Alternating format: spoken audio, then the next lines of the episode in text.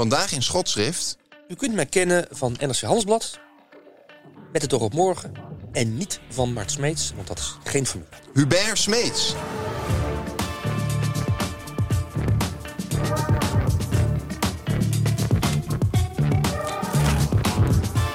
Is er deze maand een beklagenswaardiger westerling ter wereld te vinden dan Infantino? Amper. Donald Trump en Elon Musk zijn natuurlijk stevige concurrenten, maar de voorzitter van de Wereldvoetbalbond FIFA wint de herfstcompetitie toch afgetekend. Voor de tweede keer in mijn leven ben ik het nu eens eens met René van der Grijp. Infantino is volgens hem niet goed. Op Bali, waar de FIFA-baas net als premier Rutte te gast was bij de G20, sprak Infantino de staatslieden van de 20 grootste economische mogendheden op aarde toe. Hij riep hen op tot een tijdelijke wapenstilstand in Oekraïne. Een maand. Nee, niet langer of niet korter. Nee, precies die ene maand. Zolang het WK duurt. Een positieve trigger, al dus Infantino. Man heeft dus gewoon in het vliegtuig gezeten, heeft hierover nagedacht, heeft een speech geschreven. Deze man, dat is gewoon een gek. Ja. Die is niet goed. Nee, die is niet Als je goed. zoiets zegt, dan goed. overschat je je zo verschrikkelijk. Want hij denkt, ik ben de baas van de FIFA... en ik kan de wereldleiders eventjes vertellen hoe ze het moeten doen. Ja. Terwijl die mensen daar denken, wat is die gek, joh? Al dus Derksen. Dat was een jammerlijke interventie die het intellectuele niveau van het programma Vandaag Inside naar beneden haalde. Want Infantino overschat zichzelf juist niet. De baas van de FIFA weet dat hij wel degelijk macht heeft. Zij het dat die macht deze maand is afgeleid van de emir van Qatar. Daarom besloot Infantino dat er in de stadions van Qatar geen bier mag worden verkocht. Al was dat een affront voor de brouwerij multinational InBev, die al drie decennia een sponsor is van de FIFA. Daarom zei Infantino op een persconferentie dat het Westen de wereld al 3000 jaar koeieneert. En dat het Westen daarvoor nog 3000 jaar zal moeten boeten. En daarom identificeerde Infantino zich daags voor de openingswedstrijd van Qatar als een Qatari. Today I feel Arab. Today I feel African. Today I feel uh, gay. Today I feel disabled. Today I feel uh, a migrant worker. Zo woken als de FIFA-baas is, durft zelfs bijeen niet te zijn. Maar bij drie millennia zonder bier in de stadions zal het niet blijven. Het WK in Qatar gaat onze verbeelding nog veel dieper tarten. Niet omdat het toernooi corrupt is. Dat zijn wereldkampioenschappen vaker. Nee, het WK in Qatar wordt een tijdmachine. Zo'n apparaat waar de mensheid al sinds Adam en Eva van droomt. Omdat wij, sterfelijke wezens, ook wel eens heen en weer geslingerd willen worden door de geschiedenis. Die tijdmachine is het WK. Live en in full color. Voetballen in stadions zonder echt bier. Dat zou zelfs voor Nederlands sportaardvaders Pim Mulier en Karel Lotzi een middeleeuws angstvisioen zijn geweest. Aparte stadionpoortjes voor mannen en vrouwen. Alsof niet de Fransman Jules Rimet, maar de Iraanse Ayatollah Khamenei de FIFA groot heeft gemaakt. De horigheid in Qatar is ook nieuw. Westerse fans worden gehaald en gebracht, maar blijken toch ineens geen geld te krijgen omdat de publiciteit wat tegenvalt. Een verbod op demonstreren, zoals in Qatar bestaat, is weer wat minder exotisch. Dat kennen we van bijvoorbeeld het WK in Argentinië van 1978. Argentinië had er alles aan gedaan om zich aan die wereld op zijn best te tonen. Generaal Videla en de andere junta-leiders hadden het burgerpak aangetrokken. Maar dat was voor de militaire muzikanten wat moeilijker. Ook het slavenwerk van rechteloze gastarbeiders die de stadions in Qatar hebben gebouwd, roept herinneringen op aan het verleden. Het WK van 2018 in Rusland werd mede mogelijk gemaakt door dwangarbeiders uit Noord-Korea. Nee, op die tijdmachine doelde Infantino toen hij aan de vooravond van het toernooi gewacht maakte van 3000 jaar wereldgeschiedenis, waarvoor wij in het Westen nog 3000 jaar zullen moeten boeten. Ooit was voetbal een bezigheid van Engelse kostschooljongens. Daarna werd het de belangrijkste bijzaak in het leven van werkenden, in nagenoeg de hele christelijke wereld. En nu is het een spelletje van een olie- en gasemir, naar wiens pijpen wij moeten dansen, omdat we ons de afgelopen decennia willens en wetens afhankelijk hebben gemaakt van het Rusland van Vladimir Poetin. Johan Derksen zou in onbewaakt moment het als dus analyseren. In anderhalve eeuw is de voetbalsport stevig doorgeïslamiseerd. Ik ben daarom jaloers op de top van de sportjournalistiek die nu in deze tijdmachine in Qatar mag meereizen. Ik begrijp Willem Vissers van de Volkskrant dat hij een spijt op tand is geworden. In 2014 schreef hij: Ik ga niet naar het WK voetbal. Ook het verkwanselen van een prachtige sport kent zijn grenzen. Nu zit hij in Qatar. Hij is een journalist, geen activist. En gelijk heeft hij. Er is nog een andere reden waarom ik jaloers ben. En nu wordt het linkersoep. Want ik ga toch Infantino een beetje tegenspreken. Qatar is niet alleen de eerste, maar vermoedelijk ook de laatste keer dat we in zo'n mooie tijdmachine kunnen stappen. Zo anachronistisch als dit WK worden ze vermoedelijk in de toekomst niet meer gebakken. In 2026 wordt er gevoetbald in Canada, Amerika en Mexico. De meeste potentiële gastlanden voor 2030 en 2034 zijn op het China van China niet diep repressief. Idem dito met de Olympische Spelen. Parijs 2024, Milaan 2026, Los Angeles 2028, Barcelona, Salt City of Sapporo 2030 en Brisbane 2032. Niet bepaald fascistische steden. En dat is goed nieuws. Dat is vooruitgang. Voor mij, als een jonge AOW-trekker, is Qatar daarom een van de laatste kansen om een volwaardig, archaïs en corrupt wereldtoernooi te kunnen volgen. Ik hoop dat jullie mij die reis nog even gunnen. Normaal gesproken neemt Hubert Smeets alleen de maatschappij onder schot. Maar in schotschrift nemen wij direct daarna hem onder schot. Ik heb er echt van genoten. Ik zie dat je nog wat weinig eh toegevelijk bent. Ik probeer je een beetje... Ja, je probeert me te paaien.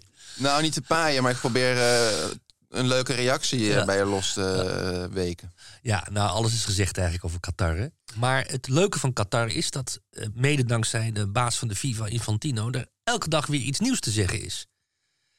Elke Want, dag. Ja, hij, hij tart elke verbeelding, die man. Kan jij eens aan de geïnteresseerde, maar ongeïnformeerde luisteraar kort toelichten... wat is, wie is Gianno Infantino? Infantino is de eh, president, de voorzitter van de Wereldvoetbalbond FIFA. Hij was daarvoor werkzaam bij de Europese voetbalbond UEFA. Hij is een Zwitserse Italiaan. Eh, voor de ouderen eh, onder ons bekend van het beroemde kinderboek Levende Bezems. Nou, zo is het wel weer goed met de trivia. Ehm, maar, eh Hubert, dat is dus een, een opvolger van Sepp Blatter. Sepp Blatter, die... eh, Was dat wegens- niet ook een Zwitser? Dat was ook een Zwitser. Die eh, zat in de horloges aanvankelijk, maar is toen vervolgens in de voetbalrij gegaan. Ehm Sepp Blatter is moeten aftreden wegens corruptie. Ja, want hij stond dus aan de wieg, wieg van het... van, van dit WK in Qatar. Eh, dat is in 2010 besloten door de FIFA. Eh, toen zijn zowel eh, de wereldkampioenschappen van 2018 aan Rusland als de 2022 aan Qatar verstrekt, toegewezen, hoe zeg je dat, gegund. En daar is geld bij gemoeid geraakt. En een aantal leden van het FIFA-bestuur heeft steekpenningen aangenomen en moet daardoor nu eh, in zonde leven. Een van de bestuursleden van de FIFA kan bijvoorbeeld het land niet meer uit, omdat er overal in de wereld arrestatiebevelen tegen hem zijn uitgevaardigd. En hij woont, geloof ik, op Trinidad. Dus heel veel ruimte heeft hij niet meer over. Ehm Sepp Blatter is moeten aftreden, heeft zich nu ook geëxcuseerd voor dit wereldkampioenschap in Qatar. Had nooit mogen geboren zeg, Maar wat is dat nou voor een bullshit? Die gast heeft zijn hele eh, carrière lag die eh, eh, zo erg Ja, onder vuur dat wist niet eens dat het mogelijk was. En dan nu is het Nu, ja, nee, toch ja, een beetje sorry. Omdat, die, omdat uiteindelijk, wanneer mensen ouder worden, dan kan ik met enige persoonlijke ervaring kan ik dat dan gaat men toch terugkijken op het leven in plaats van vooruit. Er komt een moment in het leven dat je meer terugkijkt dan vooruit. En dan wil je natuurlijk ook je verzoenen met de fouten die je gemaakt hebt en je wil boete doen. Om het een beetje rooms te Eigenlijk zeggen. is dat dus gewoon het lafste wat er is. Want een, een gezond mens die een beetje eh, die een zekere balans in zich heeft zitten, die gaat tijdens het leven al reflecteren. Dus die is ook een klein beetje bezig met een consequentie, een beetje verantwoordelijkheid Ja, nemen. ja. Maar dan, als je dan ineens met lege handen zit, oh, ik voel me nu toch wel heel rot over mijn hele leven. Laat ik nu nog eens even, terwijl ik nooit meer echt kan boete doen, want ik heb toch al een heel leuk leven achter de rug. Eh, maar ik, Sepp Blatter zou... Zeg hier nou eens wat van. Ja, Se- Sepp Blatter zou het in de katholieke kerk heel goed doen. Ja, precies. Ehm, in de politiek denk ik iets minder. Ik denk dat daar nog iets meer consequenties worden verondersteld. En iets meer rechtdoorzeeheid wordt geëist dan, in, eh, dan in de, de katholieke kerk. Ehm, maar Sepp Blatter is, ehm, denk ik, gewoon zijn straatje aan het schoonvegen. Hubert, eh, wat fantastisch hoe je het allemaal uitlegt. En je helpt ons ook om het overzicht een beetje te vergroten. Maar je hebt toch ook wat hele vage dingen in je column staan. Ja. Je hebt het constant over een tijdmachine. ja. Dat eh, komt bij mij niet helemaal binnen wat je daar nou mee bedoelt. Eh, nou, eh, daar bedoel ik mee, maar dat is trouwens een enorme serieuze kritiek hoor. Die ik hier even moet verwerken. Dus vergeef me dat ik eh, even moet pauzeren. Want dit is de kern van de zaak. En die heb, je, die heb ik dus kennelijk niet over weten te dragen. Dat, dat kan ook aan mij liggen. Mijn god. Ja, de kans is gering. Ik denk toch meer dat het aan de zender ligt. Ehm, een tijdmachine is. ik, ik, heb geschiedenis gestudeerd. Nou, waar droomt een geschiedenisstudent van, van een tijdmachine? Daar stap je in, je doet het deurtje dicht en je gaat terug in de tijd. Zonder dat je daar boeken voor hoeft te lezen. Eh, Er zijn films over gemaakt die ook met dat fantasie-idee spelen. En Qatar, in Qatar komt alles samen. Daar krijg je het eh, feodale eh, Arabische oliekapitaal te zien. Je krijgt daar de moderne multiculturele wereld te zien. Omdat er geen elftal meer homogeen etnisch is samengesteld. Je krijgt er het eh, hyper, eh, hyperactuele kapitalisme te zien. Want alles draait in voetbal om geld. Echt alles draait in voetbal om geld. Je krijgt er ehm, een, eh, de regressie te zien waaraan voetbalsupporters worden onderworpen. Ik heb eigenlijk de afgelopen 50 jaar geen voetbalsupporter in een stadion gezien die geen bier en geen worst nuttigt. Beide kan niet in Qatar. Bier niet omdat het alcohol bevat en worst omdat er varkensvlees in zit. Ehm, dus dat is een soort van strap terug die een mens over het algemeen nooit in zijn leven maakt. Tijdmachine. Ehm, en dat is de laatste keer. Want de volgende keer is het wereldkampioenschap voetbal in Amerika. En de keer daarop Maar in La- veronderstel je dan- Latijns-Amerika. st- Veronderstel je dan met zo'n tijdmachine-metafoor dat, dat het eh, niet van deze tijd is? Alles zit erin. Deze tijd zit erin, maar ook het verleden zit erin. Eh, we hebben, eh, Infantino zegt het zelf. Hè. Wij hebben 3000 jaar de boel f- eh, besodemieterd, wij in het Westen. En we zullen nog 3000 jaar moeten boeten daarvoor. Dus hij maakt ook die verbinding met de wereldgeschiedenis sinds, nou, laten we zeggen, Homerus. Ik vind me helemaal te duizelen. Ja. Maar met een tijdmachine zou je daar niet meer mee bedoelen dat je dan, bij wijze van spreken, kan ervaren eh, hoe het geweest zou zijn eh, langer terug in de tijd? Terwijl jij nu Ja. zegt dat het allemaal bij elkaar komt. Ja, Of maar is dat, kan je op één moment kan je dus in die machine heen en weer schieten. Tussen, eh, tussen eh, Lawrence eh, Maar hoezo is, van het Arabië. niet, hoezo is het niet van deze tijd? Daar ben ik denk ik Is het niet van mee deze eens. tijd Is om- het niet gewoon nog steeds schering en inslag dat gewoon overal heel veel corruptie is en Dat ongelooflijk... is, dat is gewoon dat is een, dat is een, een, een continuum. Dat is al van alle tijden. En daar, daar hoeven we niet voor in een tijdmachine te stappen. Maar naar een voetbalwedstrijd gaan zonder bier, dat is uniek. Naar een openingsceremonie kijken waarbij ehm eh, witgerokte Arabische ridders met kromzwaarden over het veld eh, dansen. dat, dat spreekt mij wel aan. Ja, maar dat, is, dat, dat spreekt jou aan omdat je naar Hollywoodfilms hebt gekeken. Niet omdat je dat ooit in een voetbalstadion hebt gezien. Die insinuatie laat ik voor wat het is. Ja. Maar, ehm, Ehm, als je, eh, als je, het, is een, het, is, het is niet van deze tijd om ehm, het om gele kaarten eh, uit, uit te laten delen eh, voor eh, aanvoerders van nationale elftallen die een One Love band om een arm dragen, omdat dat politiek zou zijn. Dat is niet meer van deze tijd. Toch gaat het gebeuren. Dus alles wat van deze tijd is en wat je dacht dat uit het verleden komt, komt samen in één land, in één maand, in een paar stadions. Dat is een unieke ervaring. Die, eh, die alleen maar mensen is gegeven die in een tijdmachine hebben gezeten. En omdat zo'n machine niet bestaat, moeten we er nu gebruik van maken. Want anders is het te laat, kunnen we er nooit meer van genieten. maar wat wil je daar nou eigenlijk precies mee zeggen? Want is het een, dat genieten, heeft dat een ironische ondertoon? Nou, het, niet ironisch, maar ehm, er zit natuurlijk een, er zit een element van sarcasme in. Maar het is ook realiteitszin. Er is aan de vooravond van deze, eh, dit wereldkampioenschap is er veel sprake geweest van discussies over moeten we gaan of moeten we niet gaan? Moeten we boycotten of moeten we niet boycotten? Ik ben van 1956, dus ik was 22 toen in 1978 het Nederlands elftal naar Argentinië ging. In Argentinië was toen een van de meest gruwelijke fascistische groenda's aan de macht die de wereld op dat moment kende. Een groenta die eh, tegenstanders eh, deed vermissen, die kinderen weghaalde bij hun ouders, die politieke eh, oppositieleden in helikopters stopte en boven de Atlantische Oceaan uitstortte. Het Nederlands elftal ging daar gewoon naartoe. En de discussie En over de Nederlandse Koningshuis shopt daar voor leuke eh, partners. zo is het. En ik weet nog dat ik toen het toernooi begon, dacht van, nou, ik was 22 zoals ik al zei, dat ik dacht, ik ga hier niet naar kijken. Exact dezelfde discussie als nu met Qatar speelt. Hè. Gaat u, ga je kijken of ga je niet kijken? Nou, de meeste mensen zeggen, nee, ik ga niet kijken. Want in zo'n corrupte zandbak mag die prachtige sport niet beoefend worden. Maar in de finale heb ik toch zitten kijken hoor. Naar, de, naar eh Nederlands elftal. En heb ik mezelf. En nu komen we bij Oh, dat de vind ik hypocriet. zeg. ja, Oh. ja, heel hypocriet. Sterker nog, ik maak het nog hypocrieter. Eh, ik was blij dat het Nederlands elftal verloor. Hoewel ik gehuild heb toen Rob Rensenbrink, dat was de linker, linker spits van het Nederlands elftal toen, op de paal schoot. Omdat, wil je het hypocrieter hebben, omdat dan de, eh, de aanvoerder van het Nederlands elftal, Ruud Krol heette die, niet uit handen van de junta-leider generaal Videla de cup in ontvangst moeten nemen, moest, hoefde te nemen. Deze hypocrisie heeft mij ontzettend veel geleerd. Eh, daar heb ik mezelf eh, niet voor geschaamd, maar ik heb het onder ogen gezien. Ehm, en zo zal het nu weer gaan. Maar neem je dan nu eh, er ook eigenlijk afstand van totdat we in, in de halve Nee, nee, ik ga, vandaag- ik, ga, ik ga gewoon kijken. naar gewoon. Ja, want ik heb daarvan geleerd dat toen, van 1978, dat het hemd nader is dan de rok, om het op een cliché te zeggen.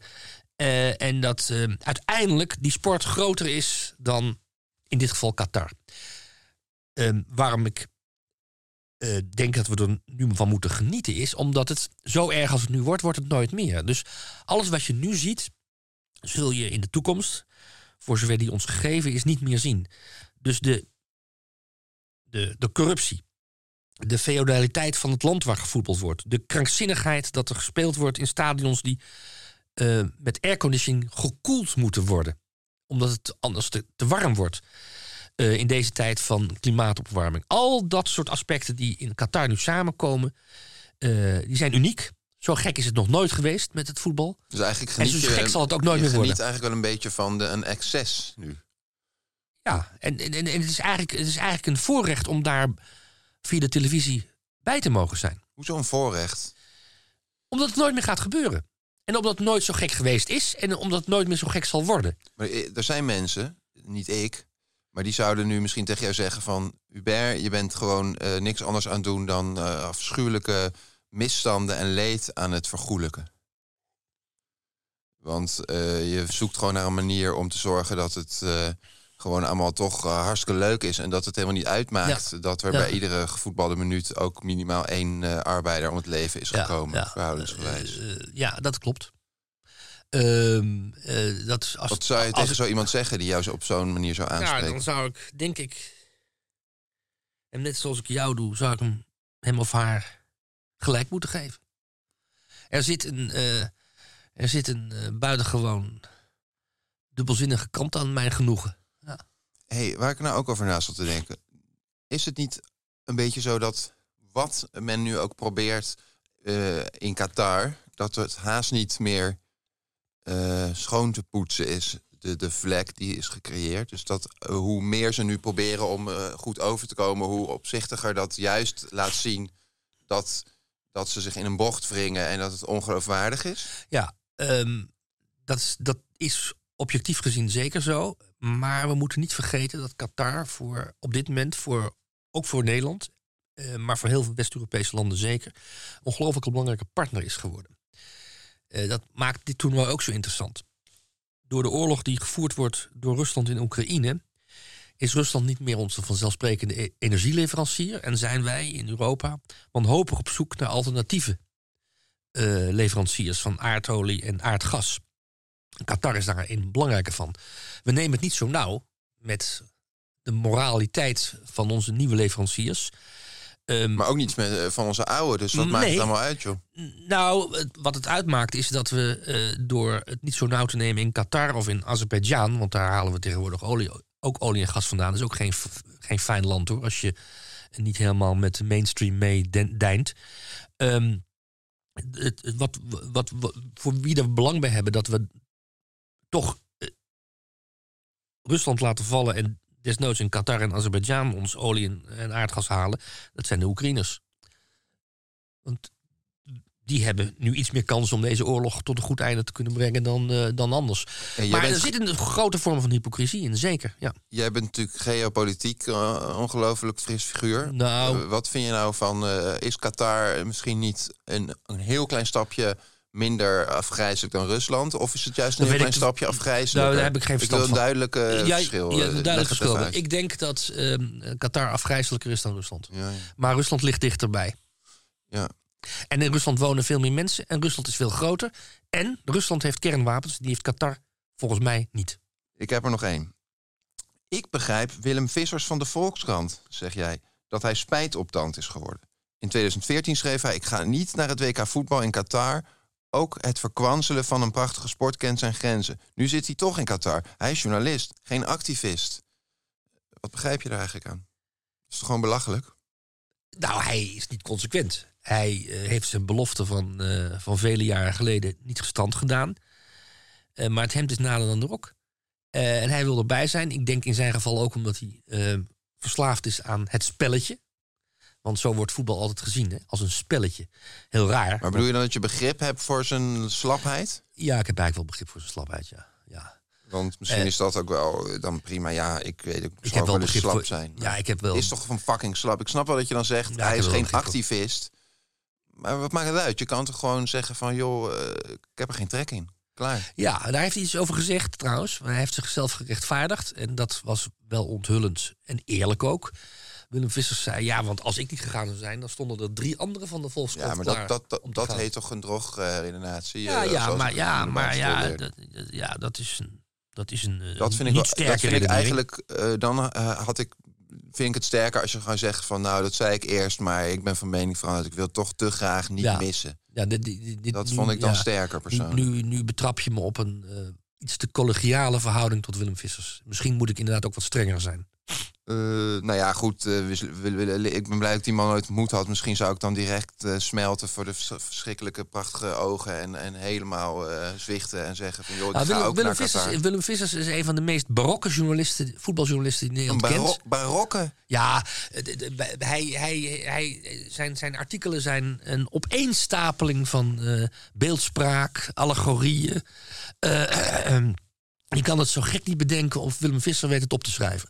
En, dat, en dat, dat, misschien is dat de reden waarom ik door de knieën ben gegaan voor zijn eh, spijt op tand zijn. Stel je voor, een WK zonder de verslagen van Willem Vissers, die schrijft over. De, eh, ja, ik, ik kan het niet verzinnen, maar ik kan me voorstellen dat we ongetwijfeld ehm, eh, kamelen, woestijnvlakten, ehm, zonsondergangen, cactussen en andere metaforen die uit de woestijn komen in de komende maanden in zijn berichtgeving zullen tegenkomen. En ik geniet daarvan, want dat is deel van ehm, het cliché dat voetbal is. Over clichés gesproken.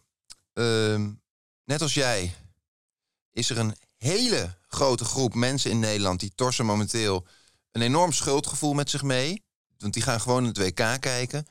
En ze voelen zich daar ook niet helemaal eh senang bij. Hoe kunnen wij die mensen nou helpen om toch de nachtrust een beetje op peil te houden... en het geweten niet al te zwaar te laten worden... terwijl ze gewoon kunnen genieten van een schitterend toernooi? Want het lukt jou. En ik denk dat jij hier misschien Ja. ook een inspirerende rol kan spelen. Ja, ja. als deze mensen hun geweten kunnen ontlasten, hun aanval kunnen verzachten, hun gewetensvroeging, met notie dat ze getuige zijn straks via de televisie van een unieke periode in de wereldgeschiedenis. En dat daarna naar te mogen kijken ehm, iets is wat nooit meer zal worden afgenomen. Als iets echt uniek is, zeg jij, eh, dan, dan weegt het allemaal wat minder zwaar. Dan, dan, dan heb je een goede rechtvaardiging om te blijven kijken. Zwarte Piet is bijvoorbeeld ook echt een echt uniek fenomeen. Dus eigenlijk, geniet daar nou maar gewoon van. Het is nu een tijdmachine. Dan kun je natuurlijk later, eh zal je dat nooit meer meemaken... dat mensen zich verkleden als Afrikaan. Ja, nou, dit, dit, dit, dit- dit is, een, dit is een goede vergelijking. Ik heb inderdaad ook eh, op die zaterdag dat Sinterklaas eh, zijn intocht vierde in Staphorst. Een gemeente waar 50% van de bevolking heeft gestemd op de SGP, Forum voor Democratie, dan wel PVV. Heb ik ook gekeken naar wat daar gebeurde op straat. En ik zal niet eh, verhelen dat ik verontwaardigd was over de wijze waarop onder andere de voorzitter van eh, de directeur van Amnesty International bijna werd gemolesteerd in de auto waarmee ze kwam aanrijden om te kijken of het demonstratierecht in Staphorst wel gegarandeerd was. Maar dat ik ook gekeken heb als een soort van ja, antropoloog naar de televisiebeelden. Dat ik soms ook wel dacht, ik had er eigenlijk wel bij willen zijn. Want wat daar gebeurde in Staphorst, wa- Staphorst was krankzinnig. Een stad waar Sinterklaas toch eigenlijk, hè, gereformeerde stad, zoals bekend, oh, de stad, mochten ze willen. Ehm, een, eh, een zwaar gereformeerd dorp, waar Sinterklaas tot eh, voor kort niet welkom was, omdat Sinterklaas, zoals bekend, een Roomse eh bisschop is en liever Turks dan paaps, Ja. zoals het in die kringen heet. Ehm, daar wordt ineens Sinterklaas nu als een traditioneel kinderfeest nu ineens omarmd.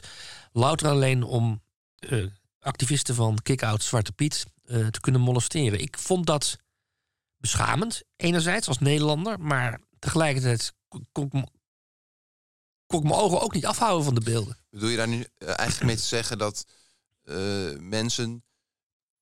eh, accepteer nou maar dat we ons graag laten fascineren... door schrijnend leed en praktijken die het daglicht slecht verdragen. Dat is nu eenmaal ook iets wat ons gewoon heel erg bezighoudt. En waar wij door gefascineerd zijn. Ja, dat, dat voyeurisme zit, speelt zeker een rol. Maar ik probeer eigenlijk ook te zeggen...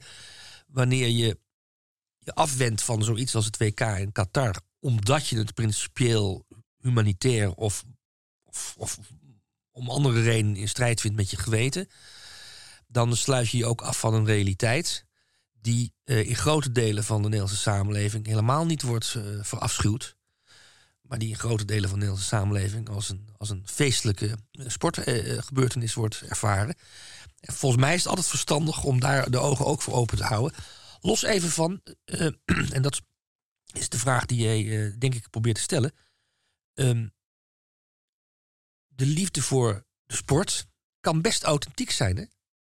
Het kan best zo zijn, en daarom kwam, eh, vertelde ik over mijn eigen eh, wangedrag tijdens het WK voetbal in 1978 Argentinië.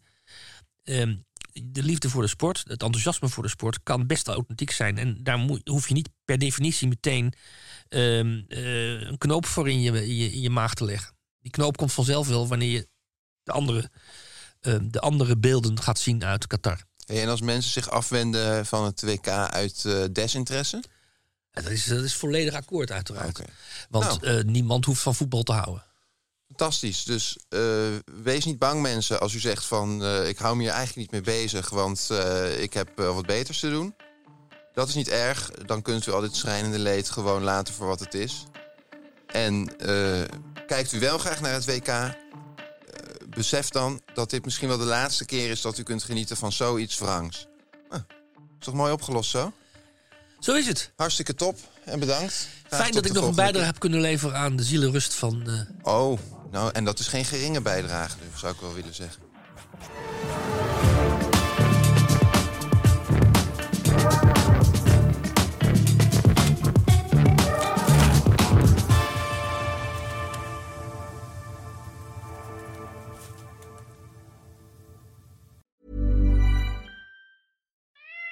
Love our pets, but when the floor's covered in fur, that's harder to love. Eufy X10 Pro Omni Robot Vacuum has powerful 8000 PA suction to make hair vanish from floors in just one pass. Plus, the roller brush has automatic detangling for easy hands-free maintenance. Want to know more? Go to eufy.com. That's EUFY.com and discover X10 Pro Omni, the best in class all in one robot vacuum for only $799.